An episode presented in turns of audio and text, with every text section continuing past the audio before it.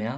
တနင်္သာရီသတင်းအစီအစဉ်ကနေကြိုဆိုလိုက်ပါတယ်ဒီအစီအစဉ်ကို The Well Watch ဝိုင်းတော်သားတွေကစီစဉ်တင်ဆက်ထားတာပါ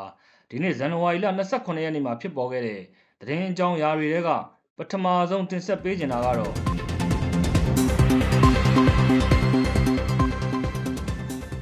တနင်္သာရီမြို့နယ်ရဲ့3ရက်တာတိုက်ပွဲအတွင်းပြည်သူ့ကာကွယ်ရေးရဲဘော်3ဦးကြာဆုံးခဲ့ပါတယ်တနင်္သာရီမြို့နယ်ရဲ့ဇန်နဝါရီလ23ရက်ကနေ25ရက်အထိ 3ရက်တာတိုက်ပွဲအတွင်းပြည်သူ့ကာကွယ်ရေးတပ်ပေါင်းစုကရဲဘော်3ဦးကြာဆုံးခဲ့ရပါတယ်။ဗိတ်ပြည်သူ့ကာကွယ်ရေးတပ်ဖွဲ့ကရဲဘော်2ဦးနဲ့တနင်္သာရီပြည်သူ့ကာကွယ်ရေးတပ်ဖွဲ့ကရဲဘော်2ဦးကြာဆုံးခဲ့တယ်လို့ဒီနေ့ထုတ်ပြန်ထားပါတယ်။တိုက်ပွဲ3ရက်အတွင်းစစ်ကောင်စီတပ်ကိုမိုင်းဆွဲတာအပြန်အလှန်ပစ်ခတ်တာနဲ့ဒရုန်းနဲ့ဘုံချတိုက်ခိုက်ခဲ့လို့စစ်ကောင်စီတပ်ဘက်ကလည်း30ထက်မနည်းတိုက်ဆုံခဲ့တယ်လို့ထုတ်ပြန်ချက်ကဆိုပါတယ်။ဗိတ်ပြည်သူ့ကာကွယ်ရေးတပ်ဖွဲ့တနင်္သာရီပြည်သူ့ကာကွယ်ရေးတပ်ဖွဲ့တောကြီးမွေဟောက်အဖွဲ့နဲ့ဗိတ်ခရိုင်တရင်နှစ်တက်ခွဲနှစ်တို့က တိုက်ပွဲဖော်ဆောင်ခဲ့တာလို့ဖော်ပြထားပါတယ်။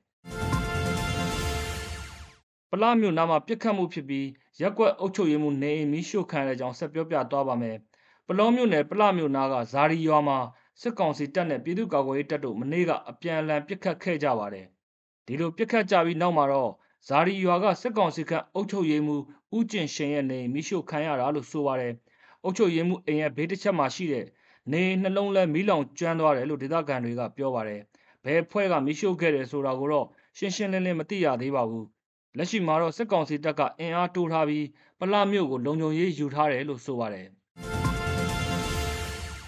စစ်တပ်ရိတ်ခါတဲလာတဲ့ဆိုတဲ့ခရီးသည်တင်ကားကိုပြည်သူ့ကာကွယ်ရေးတပ်ဖွဲ့ကသတိပေးပစ်ခတ်ခဲ့ပါတယ်။စစ်တပ်ရိတ်ခါတဲနေတဲ့ဆိုတဲ့ရွှေပလဲတီခရီးသည်တင်ရင်ကို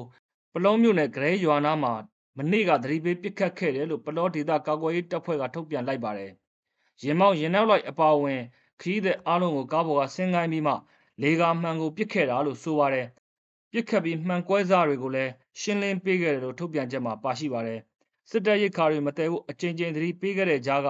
ဆက်လက်လုပ်နေတဲ့အတွက်ပစ်ခတ်ရတာလို့ထုတ်ပြန်ထားတာပါ။ရင်လိုင်းကိုအပြင်းထန်သတိပေးတဲ့အနေနဲ့ပစ်ခတ်တာဖြစ်ပြီးခရီးသည်တွေစိတ်နှောက်ယှက်ဖြစ်ရတဲ့အတွက်အနုအညွန့်တောင်းပန်တယ်လို့လည်းထုတ်ပြန်ချက်ကဆိုပါတယ် အဲ့ဒီရင်လိုင်းကိုခီးသွွားပြည်သူတွေမစီးပဲရှောင်ကျင်ကြဖို့လဲပြည်သူ့ကာကွယ်တပ်ဖွဲ့ကတိုက်တွန်းလိုက်ပါတယ်စစ်ကောင်စီတပ်ရိတ်ခါတည်ယူရဲဆိုတာနဲ့ပတ်သက်ပြီး Dwell Watch အနေနဲ့တိကျအတည်ပြုနှံခြင်းတော့မရှိသေးပါဘူးပြည်သူ့ကာကွယ်အဖွဲ့ကလောင်းကစားဝိုင်းကိုဝင်ဖမ်းပြီးလူအချို့ကိုရိုက်နှက်ပစ်ဒဏ်ပေးခဲ့ပါတယ်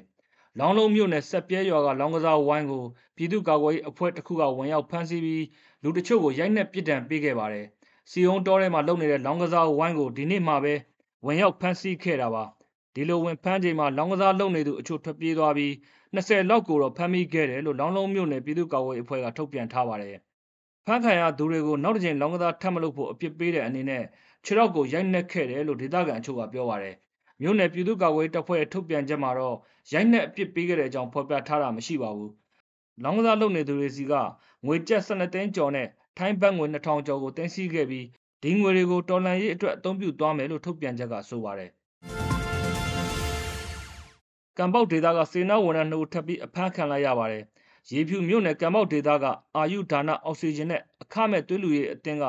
စေနာဝန်ထမ်း2ဦးဒီနေ့ထပ်ပြီးအဖမ်းခံလိုက်ရတာပါစေနာဝန်ထမ်းတွေဖြစ်တဲ့ကိုမောင်မောင်နဲ့မတ်တင်ကြီးစိုးကိုနေမှာပဲဖမ်းဆီးသွားတာပါကံပေါက်ကျေးရွာရဲ့စစ်ကောင်စီကအုပ်ချုပ်ရေးမှုနဲ့အမျိုးသားတအုပ်တို့ပြစ်ခတ်ခံရပြီးနောက်ပိုင်းစစ်ကောင်စီတပ်ကဒေသခံတွေကိုဇက်တိုက်ဖမ်းဆီးနေပါတယ် ကိုမောင်မောင်မတ်တင်ကြီးစိုးတို့ကိုဘလို့ကြောင်းရင်းကြောင့်ဖမ်းဆီးသွားတယ်ဆိုတာကိုတော့မသိရသေးပါဘူးလက်ရှိမှာတော့စေနာဝန်ထမ်း2ဦးအပါအဝင်ဒေသခံ10ဦးဖမ်းခံထားရပါတယ်ဒါအပြင်ကံမောက်ဒေသမှာစိုင်ကယ်စီးနှင်းဝင်ကိုလည်းပိတ်ထားပါတယ်စိုင်ကယ်စီးသူတွေကိုစစ်ကောင်စီတပ်ကလိုက်လံဖမ်းဆီးနေတာပါထိုင်းမြန်မာနယ်စပ်မှာနေထိုင်တဲ့မွန်ငင်းချမ်းရေးခေါင်းဆောင်တနက်ထိမှန်တေဆုံးသွားပါတယ်တနင်္သာရီမြို့နယ်ကထိုင်းမြန်မာနယ်စပ်မှာနေထိုင်တဲ့မွန်ငင်းချမ်းရေးအဖွဲ့ခေါင်းဆောင်နိုင်အောင်တိုက်ဟန် တနက်ကြည်တံထိမှန်ပြီးတေဆုံးသွားတာပါ၎င်းကထိုင်းမြန်မာနယ်စပ်တနင်္သာရီမြို့နယ်အေးမွန်သာရွာမှာနေထိုင်တာဖြစ်ပြီးဇန်နဝါရီလ25ရက်နေ့ကကြည်စံထိမှန်တေဆုံးခဲ့တာပါစက်ကြီးလာကောက်တဲ့မွန်ငင်းချမ်းရေးခွတ်ထွက်အဖွဲ့နဲ့အပြန်အလှန်ဖြစ်ခတ်မှုဖြစ်ရာကကြည်ထိမှန်တေဆုံးခဲ့တယ်လို့သိရပါတယ်ခွတ်ထွက်အဖွဲ့ကလက်နက်ကင်10ဦးလောက်ကနိုင်အောင်တိုက်ဟင်ရဲ့နေအိမ်ကိုရောက်လာပြီးစက်ကြီးငွေဘတ်3သိန်းတောင်းခံရာကမပေးလို့အပြန်အလှန်ပြစ်ခတ်ခဲ့တာလို့ဆိုပါတယ် ပြန်လည်ပြစ်ခတ်ချိန်မှာခွဲထွက်အဖွဲ့ဘက်ကလည်းတဦးတည်ဆုံးသွားတယ်လို့ဆိုပါတယ်